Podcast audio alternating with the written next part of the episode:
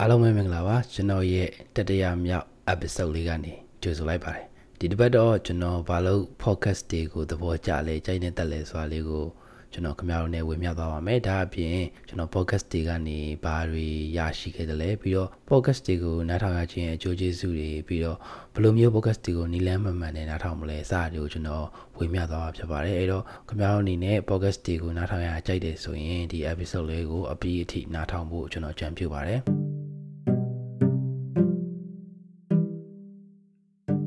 အဲ့ဒီတော့ပထမဆုံးကျွန်တော် podcast ဆိုတာဘာလဲဆိုတော့ရှင်းပြခြင်းပါတယ် podcast ဆိုတာအရှင်းဆုံးပြောရရင်ဗျာ internet ရှိရင်အချိန်မရွေးနေရာမရွေးမိမိဖုန်းပေါ်ကနေနားထောင်လို့ရတဲ့ audio media တစ်မျိုးပဲဒါပဲအမှန်တော့ရိုးရှင်းရှင်းပဲအဲသဘောတရား radio လိုပဲဗျာဒါပေမဲ့ radio နဲ့မတူတာ radio ကတော့ तू ကတော့ तू နာ तू လွှင့်တဲ့အချိန်မှာပဲကိုနားထောင်လို့ရတယ်ကိုကြိုက်တာရှိရင်လည်းပြန်ပြီးနားထောင်ဖို့လည်းမလွယ်ဘူးနောက်နေ့တစ်ခါတလေ replay ပြန်လွှင့်ပေးရရှိပေမဲ့တစ်ခါတလေမရှိပဲလည်းဖြစ်နိုင်တယ် အဲ့တော့ကိုကြိုက်ပြီဆိုလို့ရှိရင် down ထားလို့လည်းမရဘူးနောက်ပြီးတော့ podcast ကကိုယ့်ရဲ့ဖုန်းထဲကို download လုပ်ထားလို့ရပြီးတော့ internet မရှိတဲ့အချိန်မှာလည်းအချိန်မရွေးပြန်နားထောင်လို့ရတယ်ဒါအပြင်ကိုကြိုက်တဲ့ podcaster တွေလို့ရှိရင်သူတို့ကို follow လုပ်ထားလို့ရတယ်အဲ့တော့သူတို့အသက်တင်တိုင်းမှာကိုစီမှာကိုယ် notification online တို့ဒီလဲလာတက်နေမှာဖြစ်တယ်အဲ့တော့ဒါအခြေခံအပြင် podcast ဆိုတာ audio media တစ်မျိုးပါပဲအဓိကအပြင် podcast တွေကတော့ topic တစ်ခုခုပုံမှာပြောကြတာများတယ်ပေါ့နော်အဲ့တော့ နောက်ထပ်ကျွန်တော်ပြောချင်တာကဘာလို့ကျွန်တော် podcast တွေကိုကြိုက်ကြလဲဆိုတော့ဗောနော်ပထမဆုံး podcast တွေကပထမဆုံးကျွန်တော်ကြိုက်တဲ့ချက်ပေါ့နော်အဲ့ဒါကအရန်နားထောင်ရလွယ်တယ်ဗျကိုယ့်ရဲ့ဖုန်းထဲမှာအမှန်ဆိုရင်ဒီ built-in ပါလာပြီးသား app တွေရှိတယ် iOS သမားတွေ iPhone သမားတွေဆိုလို့ရှိရင်တို့ဖုန်းထဲမှာ podcast ဆိုတဲ့ app လေးပါတယ်အဲမသိတဲ့သူတွေလည်းရှိမယ်သိပြီးသားသူတွေလည်းရှိမယ်သူကဝယ်ကြတဲ့ကွာပါလာတာကျွန်တော်တို့ဘယ်လိုပြောမလဲခရမ်းရောင်လေးလို့ပြောမလားမသိဘူးအဲ့လို mic ပုံစံလေးနဲ့အဲ့လိုမျိုးလေးပါတယ် နောက်ပြီးတော့ကျွန်တော်တို့ Android မှာဆိုရင်ဒီ Android ဖုန်းတွေအများစုမှာပေါ့နော်ဒီ Xiaomi တွေပါလို့ဆိုရင်တော့ global version တွေမှာအဲ global roam တင်ထားတဲ့ဟာတွေမှာပေါ့ပါလာတတ်တယ်ပါပါလာလဲဆိုတော့ Google Podcast ဆိုတဲ့ app ပေါ့နော်သူကလည်းခုနက Apple Podcast နဲ့သဘောတရားအတူတူပဲ Podcast တွေနားထောင်လို့ရအောင်ဖုန်းဝယ်ကြတဲ့က pre-install လုပ်ပေးလိုက်တာပေါ့နော်ဝယ်ကြတဲ့ကပါလာတဲ့ app ပေါ့ Okay ကိုကအဲ့ဒါကြီးမကြိုက်ဘူးဆိုလို့ရှိရင်လည်း Spotify ဆိုတဲ့ app ကို down ပြီးတော့နားထောင်လို့ရတယ် Spotify ကတော့ကျွန်တော်နိုင်ငံမှာနည်းနည်းနားထောင်ရ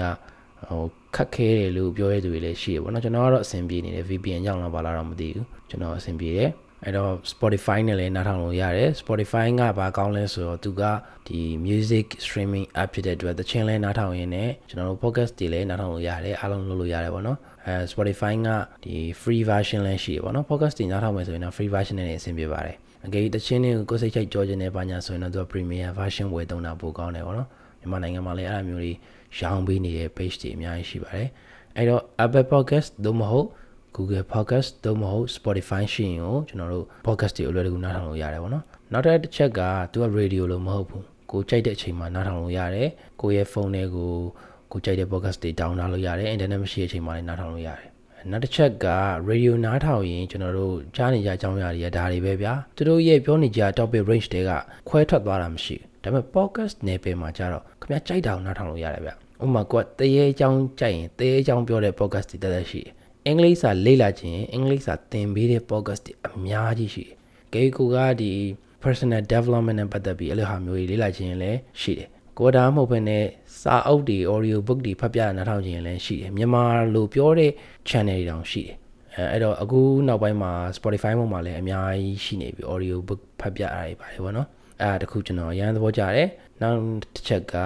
podcast တွေကလူကိုအိပ်ပျော်စေတယ်ဗျ။ခင်ဗျားတို့တော့မသိကျွန်တော်ဆိုရင်တော့ focus တင်နားထောင်ရင်လည်းအိပ်ပျော်သွားတတ်တယ်ကျွန်တော် focus နားထောင်ရင်အိပ်ပျော်သွားလေကျွန်တော်စိတ်မဆိုးဘာလို့လဲဆိုတော့ဒါလည်းလူတစ်ယောက်ကိုတနည်းအားဖြင့်အကျိုးပြုတာပဲဒီရက်သေးဆိုရင်စိတ်ဆင်းရဲစရာတွေများတော့လူတွေကအိပ်ဖို့ခက်တာဖြစ်တတ်တယ်အဲ့တော့လူတွေကိုအိပ်ပျော်စေရဆိုတာလဲဒါကောင်းတဲ့အချက်ပဲလေအဲကျွန်တော်ဆိုလဲဒီ audio book တင်နားထောင်တယ် focus တင်နားထောင်တယ်ပြီးရင်အိပ်ပျော်သွားတယ်နောက်တစ်ခုကြိုက်တာ multitasking လုပ်လို့ရတယ်ဗျာ တခုခုလုပ်နေနေနားထောင်လို့ရတယ်ဥပမာကားမောင်းနေလည်းနားထောင်လို့ရတယ်အဲကားမောင်းတဲ့ချိန်မှာကျွန်တော်တို့ဗီဒီယိုမီဒီယာကို consume လုပ်ဖို့မလွယ်ဘူးလေဗီဒီယိုကြည့်ဖို့မလွယ်ဘူး audio ကြတော့ကျွန်တော် AC ပဲနားထောင်လို့ရတယ်ပြီးတော့ podcast တွေကနားထောင်ရင်ဘ ਹੁ တုတတိုးတယ်ဗျတခါကျရင်ကိုမသိရတဲ့အများကြီးကို तू ကဒီ15မိနစ်မိနစ်20နဲ့ပြောသွားတာနားထောင်လိုက်တာနဲ့တင်သိသွားတာမျိုးကိုမဖတ်ဘူးတဲ့စာအုပ်တွေကို तू ပြောပြလိုက်လို့သိသွားတာမျိုးစသဖြင့်အများကြီးရှိတယ်ပေါ့ နောက်တစ်ခုကဒီလူစိတ်အပန်းပြေစေပေါ့နော်စာအုပ်တုပ်ကိုကင်ပြီးတော့ကိုကဖတ်ဖို့စိတ်ကမကြည်ဘူးအဲ့လောက်မလုပ်ချင်ဆိုတဲ့အချိန်မှာကျွန်တော်တို့က focus လေးနားထောင်ပြီးတော့စိတ်အပန်းဖြေလို့ရတယ်ပြီးတော့အဲ့လိုနားထောင်လိုက်ရတဲ့အတွက်လည်းကိုကအချိန်ကိုကြိုးရှိရှိအသုံးချလိုက်တယ်လို့မျိုးခံစားရတယ်နောက်ပြီးနောက်ထပ် podcast တွေကိုကြိုက်တာတခုကဗျအခုကျွန်တော်ကဒီ podcaster တယောက်အနေနဲ့ပေါ့နော် podcast လုပ်နေတဲ့လူတယောက်အနေနဲ့ကြိုက်တာကကျွန်တော်ရဲ့ဒီ podcast ကိုနားထောင်နေတဲ့လူတွေတုံးမို့ကျွန်တော်ကိုဒီ motion ဖြစ်တည်ပြီးတော့စာအုပ်တွေလည်းဖတ်တဲ့ပိသက်တွေသူတို့နဲ့နီးနီးကက်ကက်ရှိတယ်လို့ခံစားရတယ်ကျွန်တော်တို့နောက်သွားပြီးစကားပြောနေတယ်လို့ခံစားရတယ်နောက်နားထောင်တဲ့သူတွေလည်းအဲ့လိုခံစားရမယ်လို့ကျွန်တော်ထင်တယ်ဗျခင်ဗျားတို့တော့မသိကျွန်တော်ဆိုရင်တော့အဲ့လို podcast တွေနားထောင်ရင်အဲ့လိုခံစားရတယ်ဟိုကိုပီနာမှာအဖော်တယောက်ရလိုက်တယ်လို့ပဲဗျာစကားပြောနေသူပြောရလေကိုနားထောင်နေအဲအဲ့လိုမျိုးလေးရတယ်ဒါတော့ကျွန်တော်ကြိုက်တဲ့အချက်တွေပေါ့နော်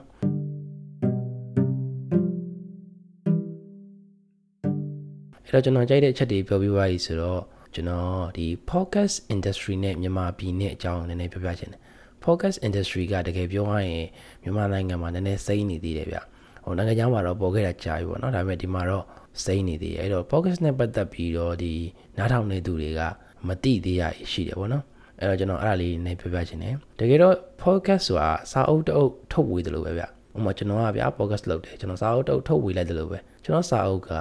စာအုပ်ဆိုင်တွေအများကြီးကိုရောက်သွားလိမ့်မယ်အဲ့ခါကျရင်ခင်ဗျားတို့ကခင်ဗျားတို့ကျင်းနေတဲ့စာအုပ်ဆိုင်မှာတောက်ဝယ်လို့ရတယ်စီတီမမှာဝယ်လဲရတယ်သို့မဟုတ်အခြားစာပေလောကမှာဝယ်လဲရတယ်ကိုနှစ်သက်ရပါတော့အဲ့တော့စာအုပ်ဆိုင်တွေမှာလည်းတစ်ခုနဲ့တစ်ခုဟိုသူတို့ရဲ့ဒီဝန်ဆောင်မှုတွေပုံစံတွေမတူတတ်ဘူးပေါ့နော် podcast မှာလည်းအဲ့သဘောတရားပဲပေါ့ podcast တွေကိုနားထောင်လို့ရတယ်ဘယ်မှာနားထောင်လို့ရလဲဆိုရင်အခုကျွန်တော်အခုဒီ podcast ကို fan ဒီရဲ့ Anchor ဆိုတဲ့ app မှာရတယ်နောက်ထပ်ခုနကပြောသွားတဲ့ Apple Podcast Google Podcast ပြီးတော့ Spotify အားတွေမှာနားထောင်လို့ရတယ်ဒါပေမဲ့တစ်ခုနဲ့တစ်ခုသူတို့ပေးတဲ့ user experience တွေမတူဘူးဗျအမှန်ပြောရရင်ဒီကလူတွေက podcast နဲ့နည်းနည်းစိမ့်နေတဲ့လူတွေများတယ်ပေါ့နော်အရင်တည်းကလည်းဟိုနားထောင်တဲ့လူတွေတော့ရှိပါတယ်မရှိလို့ကျွန်တော်မပြောပါဘူးအရင်တည်းက podcast ကိုဆွဆွမြဲမြဲနားထောင်တဲ့လူတွေတေချာပေါက်ရှိတယ်ပေါ့နော်ဒါပေမဲ့ဒီပမာဏအားဖြင့်တော့အရင်မများသေးဘူးပေါ့နော်ဒီမှာ podcast တွေခက်စားလာတာကျွန်တော်ထင်တယ်အခုဒီဒီကာလမှာပေါ့နော်လူတွေကစိတ်အရန်ဆင်းရဲပြီးတော့တင်းတင်းဒုက္ခတွေပဲခံစားနေရတဲ့အချိန်မှာကျွန်တော်ထင်တယ်ကိုကြားပေါက်ပေါ့နော်ဟန်ထုလွင်ရဲ့ကိုဟန်ထုလွင်ရဲ့ podcast ကြောင့် podcast ကနည်းနည်းကျွန်တော်တို့စီမှာပို့ပြီးတော့နည်းလှုပ်လှုပ်ရှားရှားလေးဖြစ်လာတယ်လို့ထင်တယ်ကျွန်တော်အမြင်သူဒီ podcast လုပ်တဲ့ timing ကအရန်ကိုကွက်တိဖြစ်သွားတယ်လို့ထင်တယ်ဗျဘာလို့လဲဆိုတော့ရင်တော့လည်း podcast လုပ်တဲ့လူတွေလည်းရှိတယ်နားထောင်တဲ့သူတွေလည်းရှိတယ်ဒါပေမဲ့ဒီ industry ကြီးကအရန်ကြီးတော့လူသတိထားမိလာတာမျိုးမရှိဘူး podcast နားထောင်ရတာကြိုက်လာပါပြီဆိုတဲ့ပုံစံမျိုးအရန်လူတွေကြားထဲမှာ popular မဖြစ်ဘူးပေါ့ဗျာ အဲအဲ့အကြောင်းမလို့ဟို podcast တွေကခင်မစားခဲ့ဘူးပြီးတော့အခြား media တွေလည်းဟိုရတယ်ဗျဥပမာ video တွေကြည့်လို့ရတယ်အစသဖြင့်လုပ်လို့ရတယ်အများကြီးရှိတယ်ဒါပေမဲ့ဒီအချိန်မှာကြာလူတွေကဘယ်လိုလဲဆိုတော့မတူတော့ဘူးဗျဒီအာနာသိန်းနာရဲ့ပြီးတော့ကိုဗစ်ကြောင့်စိတ်တွေစိတ်ဓာတ်တွေကျတာရဲ့အဲဒါကြောင့်သူတို့မှာအခြားဟာတွေသိပြီးလှုပ်ချင်ခိုင်းနေမရှိဘူးစာအုပ်တုပ်လည်းပြအောင်မဖတ်ချင်တယ်လို့ရုပ်ရှင်ကြည့်ဖို့ကြရလဲစိတ်မပါတာမျိုးတွေဖြစ်တယ်အဲ့တော့ဘာလုပ်လဲဆိုအိတ်ခန်နီဒီ podcast လေးနားထောင်လိုက်တယ်အဲ့ခါကျတော့ခုနကျွန်တော်ပြောတဲ့အချက်လိုပဲပေါ့နော် စကားပြောဖို့တယောက်ရလိုက်တယ်လို့မျိုးဘေးနားလာပြောနေတယ်လို့မျိုးနားထောင်ပြီးတော့ဟိုပြီးတော့ဘုဒ္ဓတလည်းတိုးတယ်ဗျာ entertainment တစ်ခါလေးဖြစ်တယ်အဲ့တော့ podcast ကိုနည်းနည်းပိုကြိုက်လာကြရလို့ကျွန်တော်မြင်တယ်အခုချိန်မှာပေါ့နော်အဲ့တော့ကျွန်တော်ကလည်း podcast လုပ်ဖြစ်တာကဒီဒီကြားပေါက်ပေါ့နော်ကိုကြားပေါက်ရဲ့ဒီ podcast ကနေ inspire ဖြစ်သွားတယ်လို့ပြောလို့ရတယ်သဘောကျတယ်ပေါ့နော်ဒီလောက်တာကိုသဘောကျတယ်ပြီးတော့တကယ်တမ်းဆိုကျွန်တော်လှုပ်ဖို့စဉ်းစားတာတော့တော်တော်ကြာခဲ့ပြီဒါပေမဲ့ခါမှအကောင့်ထဲပေါ်ပြေးရလာအောင်စိတ်အားထက်သန်မှုမရှိခဲ့ဘူး ဒါပေမဲ့ဒီကာလမှာကျွန်တော်လှုပ်ကြည့်လိုက်မယ်ဆိုပြီးလှုပ်ရင်းနဲ့ကျွန်တော် podcast ကိုနားထောင်တဲ့သူတွေများတာလဲကျွန်တော်ဒီ analytics ထဲမှာတွေ့ရတယ်ကျွန်တော်ဒီကနေပြီးတော့ဒီကျွန်တော်ရဲ့ဒီ anchor dashboard တွေကနေကျွန်တော်ရဲ့ဘေး episode ကိုတော့လူတွေဘယ်လောက်နားထောင်တယ်အသက်အရွယ်ပိုင်းခြားဘယ်လောက်စသဖြင့်အကြမ်းပြင်းပေါ့ဗျာ data တွေကတော့အတိအကျရတော့မဟုတ်ဘူးပေါ့အဲ့ဒါလေးကျွန်တော်သိရတယ်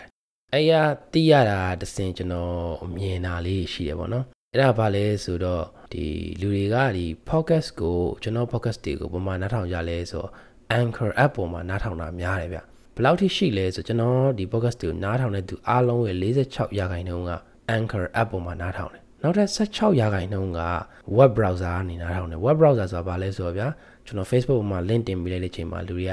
အဲ့ link ကိုနှိပ်ပြီးနားထောင်တာပေါ့ application တွေပါလေ download မဆွဲတော့ဘူးအဲ့ link ကိုပဲနှိပ်ပြီးတော့နားထောင်လိုက်တယ် ဒါပေမဲ့ link ရဲ့ဆိုကြကဘာလဲဆိုတော့တစ်ခါကျရင်ပြန်ထွက်တာတို့ဘာတို့အဲ့လိုမျိုးဖြစ်တတ်တယ်ပေါ့နော်ပြီးတော့ဒီ link တင်ပေးမှ podcast နားထောင်တဲ့ပုံစံမျိုးကြီးဖြစ်သွားတာပေါ့တကယ်တော့ဒီ podcast ကိုနားထောင်တဲ့ပုံစံလေးမမှန်သေးဘူးပေါ့နော်တကယ်ဆိုရင် podcast နားထောင်လို့ရတဲ့ app ကို download ဆွဲပြီးတော့ motion ဆိုပြီးတော့ရိုက်ရှာပြီးတော့ follow လုပ်ထားပြီးတော့နားထောင်လို့ရတယ်ဒါပေမဲ့တချို့တွေကအရန်စိတ်နေသေးတဲ့အတွက်အဲ့လိုမလုပ်တတ်ဘူးပေါ့နော်အဲ့တော့ link ကိုပဲနှိပ်ပြီးတော့ နားထောင်ကြတယ်ပေါ့အဲ့တော့အဲ့လိုလူတွေတက်လဲကျွန်တော်ဒီဒီအခုဒီ episode ထဲမှာသေချာပြောပြသွားပါမယ်ဆက်ပြီးနားထောင်ပြပါခုနကဟာကိုပြန်ကြည့်ရင် Anchor app ပေါ်မှာနားထောင်ကြတာ46ရာခိုင်နှုန်းထိရှိရဆိုတော့တဝက်နီးပါပဲပေါ့နော်အဲ့ဒီလူတွေကျွန်တော်အကြံပေးချင်တာကဗျ Anchor app ပေါ်မှာနားထောင်တော့ဘာဖြစ်လဲဆိုတော့ကျွန်တော်အတွက်ဘာမှမဖြစ်ပါဘူးဟိုနားထောင်နေတဲ့လူကပုံမှန်နားထောင်နားထောင်အတူတူပါပဲဒါပေမဲ့ခင်ဗျားတို့အတွက်တော့ကျွန်တော်အကြံပေးချင်တယ်ဗျဒီ podcast တွေကိုနားထောင်တာဒီကိုယ့်ရဲ့အကျင့်လေးတစ်ခုဖြစ်လာအောင်သို့မဟုတ် ဟိုကိုကလည်းကြိုက်တယ်ဆိုရင်ပေါ့နော် podcast ကိုကောင်းကောင်းမွန်မွန်နားထောင်လို့ရတဲ့ app တစ်ခု download ဆွဲခြင်းတယ် Anchor ကကြတော့ဗာလဲဆို Anchor ကဒီ podcast တွေကို create လုပ်တဲ့ကျွန်တော်တို့လူမျိုးအတွက်ကိုအဓိကထားပြီးတော့လုပ်ထားတဲ့ application ပေါ့နော်အဲ့တော့ Anchor ရဲ့ home page ကိုကြည့်လိုက်မယ်ဆိုရင်လည်းဘာမှ news news feed ပုံစံမတွေ့ရဘူးရိုးရိုးရှင်းရှင်းကြီးပေါ့နော်ပြီးတော့အဲ့မှာပြထားတဲ့ဟာတွေကလည်း podcast create လုပ်တဲ့သူတွေအတွက်အကျိုးရှိမဲ့ဟာတွေပဲပြထားတာပေါ့နော်ဘာလို့လဲဆိုတော့ဒီ app က သူကိုယ်တိုင်ကဒီနားထောင်သူတွေအတွက်အဓိကထားထားတာမဟုတ်လို့မဟုတ်ဘူးပေါ့နော်ဖန်တီးရတဲ့သူတွေအတွက်အဓိကထားထားတာပေါ့နော်အဲ့တော့ KUA Anchor ကိုသုံးပြီးတော့ podcast တွေနားထောင်နေရဆိုလို့ရှိရင်အခြား app တစ်ခုခုကိုပြောင်းပြီးသုံးစေချင်တယ်ဒါကကျွန်တော်ခမရဟုတ်တက်ပြောတာပေါ့နော်ကျွန်တော်တက်ကဘယ်ဟာပဲနားထောင်နားထောင်ခုနပြောလို့ပဲအတူတူပဲပြီးတော့ဒီ web browser ကနေနားထောင်တဲ့သူတွေကိုလည်းအဲ့လို app လေးကို down စေချင်တယ်စုစုပေါင်းအဲ့ Anchor မှာ346ရာခိုင်နှုန်း web browser နဲ့316ရာခိုင်နှုန်းဆိုတော့60ရာခိုင်နှုန်းနီးပါးလောက်ကအဲ့လိုသုံးနေကြအတွေ့အကြအဲ့လူတွေကိုကျွန်တော် app လေး down စေချင်တယ်ဘာလို့အဲ့လို down စေချင်လဲဆိုတာကိုလည်းကျွန်တော်ဆက်ပြောသွားမှာဖြစ်ပါတယ်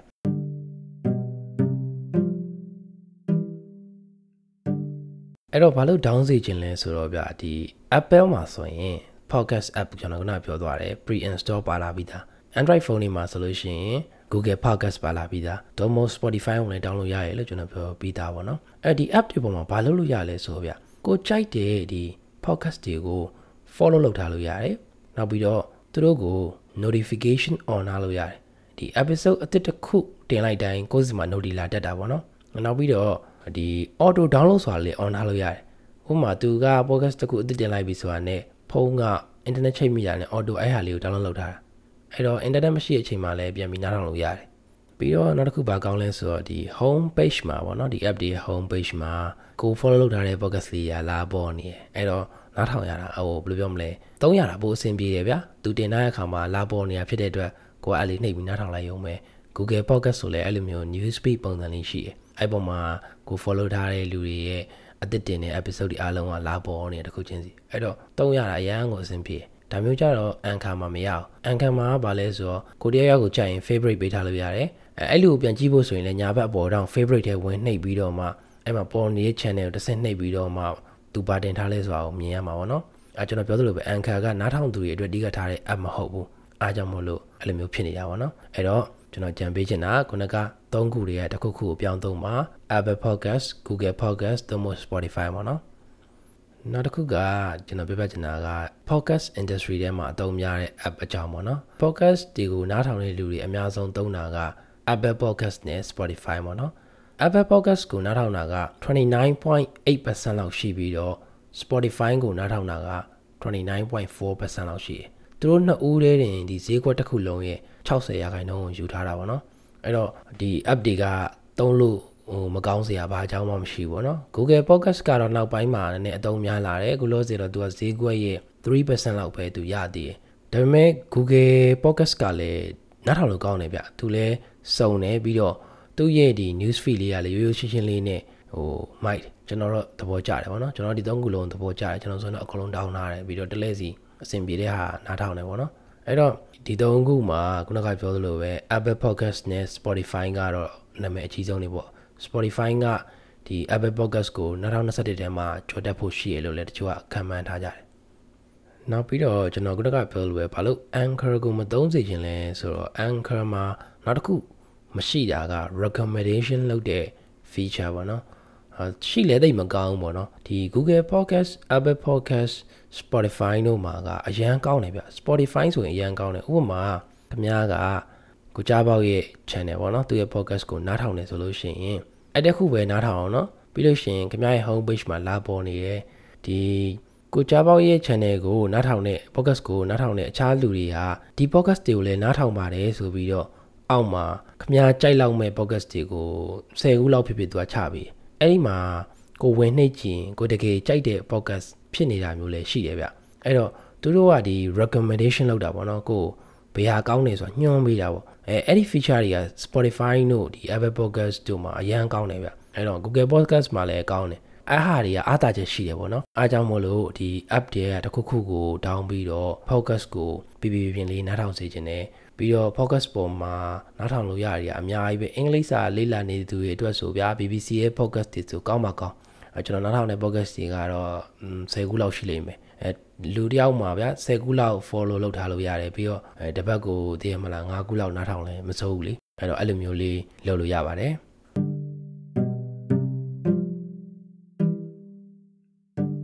အဲ့တော့ဒီနေ့ episode လေးကနေကျွန်တော်အဆုံးသတ်ပြောချင်တာကတော့ကျွန်တော်ရဲ့ဒီ focus တွေကိုနားထောင်နေသူတွေအနေနဲ့ podcast app လေးတစ်ခုခုကိုတောင်းစေချင်ပါတယ်ကျွန်တော်ခုနကပြောတဲ့၃ခုတွေကတစ်ခုတောင်းရင်အဆင်ပြေပါတယ် Apple Podcast iPhone တွေမှာပါပြီးသားပါ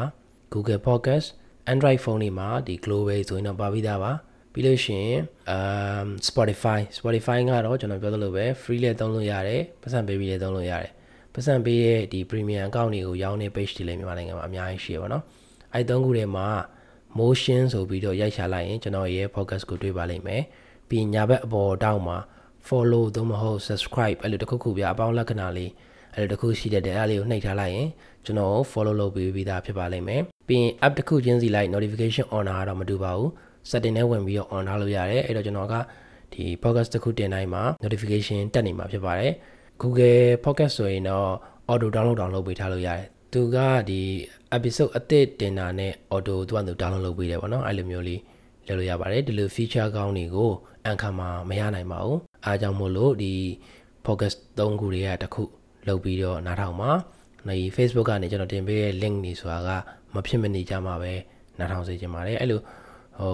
နှိပ်ပြီးနားထောင်တဲ့အခါပြန်ထွက်တာမျိုးတွေအများကြီးကြုံရတတ်ပါတယ်အဲ့ခါကျတော့နားထောင်ရတာအဆင်မပြေဘူးဗျာရတာမရှိဘူးကိုယ့်ဘာကို app လေးတစ်ခုနဲ့သေးချာလေးနားထောင်ကြတာရောပို့ပြီးတော့ဟိုအဆင်ပြေတယ်ပေါ့နော်အဲ့တော့ဒီနေ့ကျွန်တော်ရဲ့ episode လေးကိုကျွန်တော်ဒီမှာပဲရပ်ပြရစီအားလုံးပဲကျမ်းမာကြပါစေဗျာ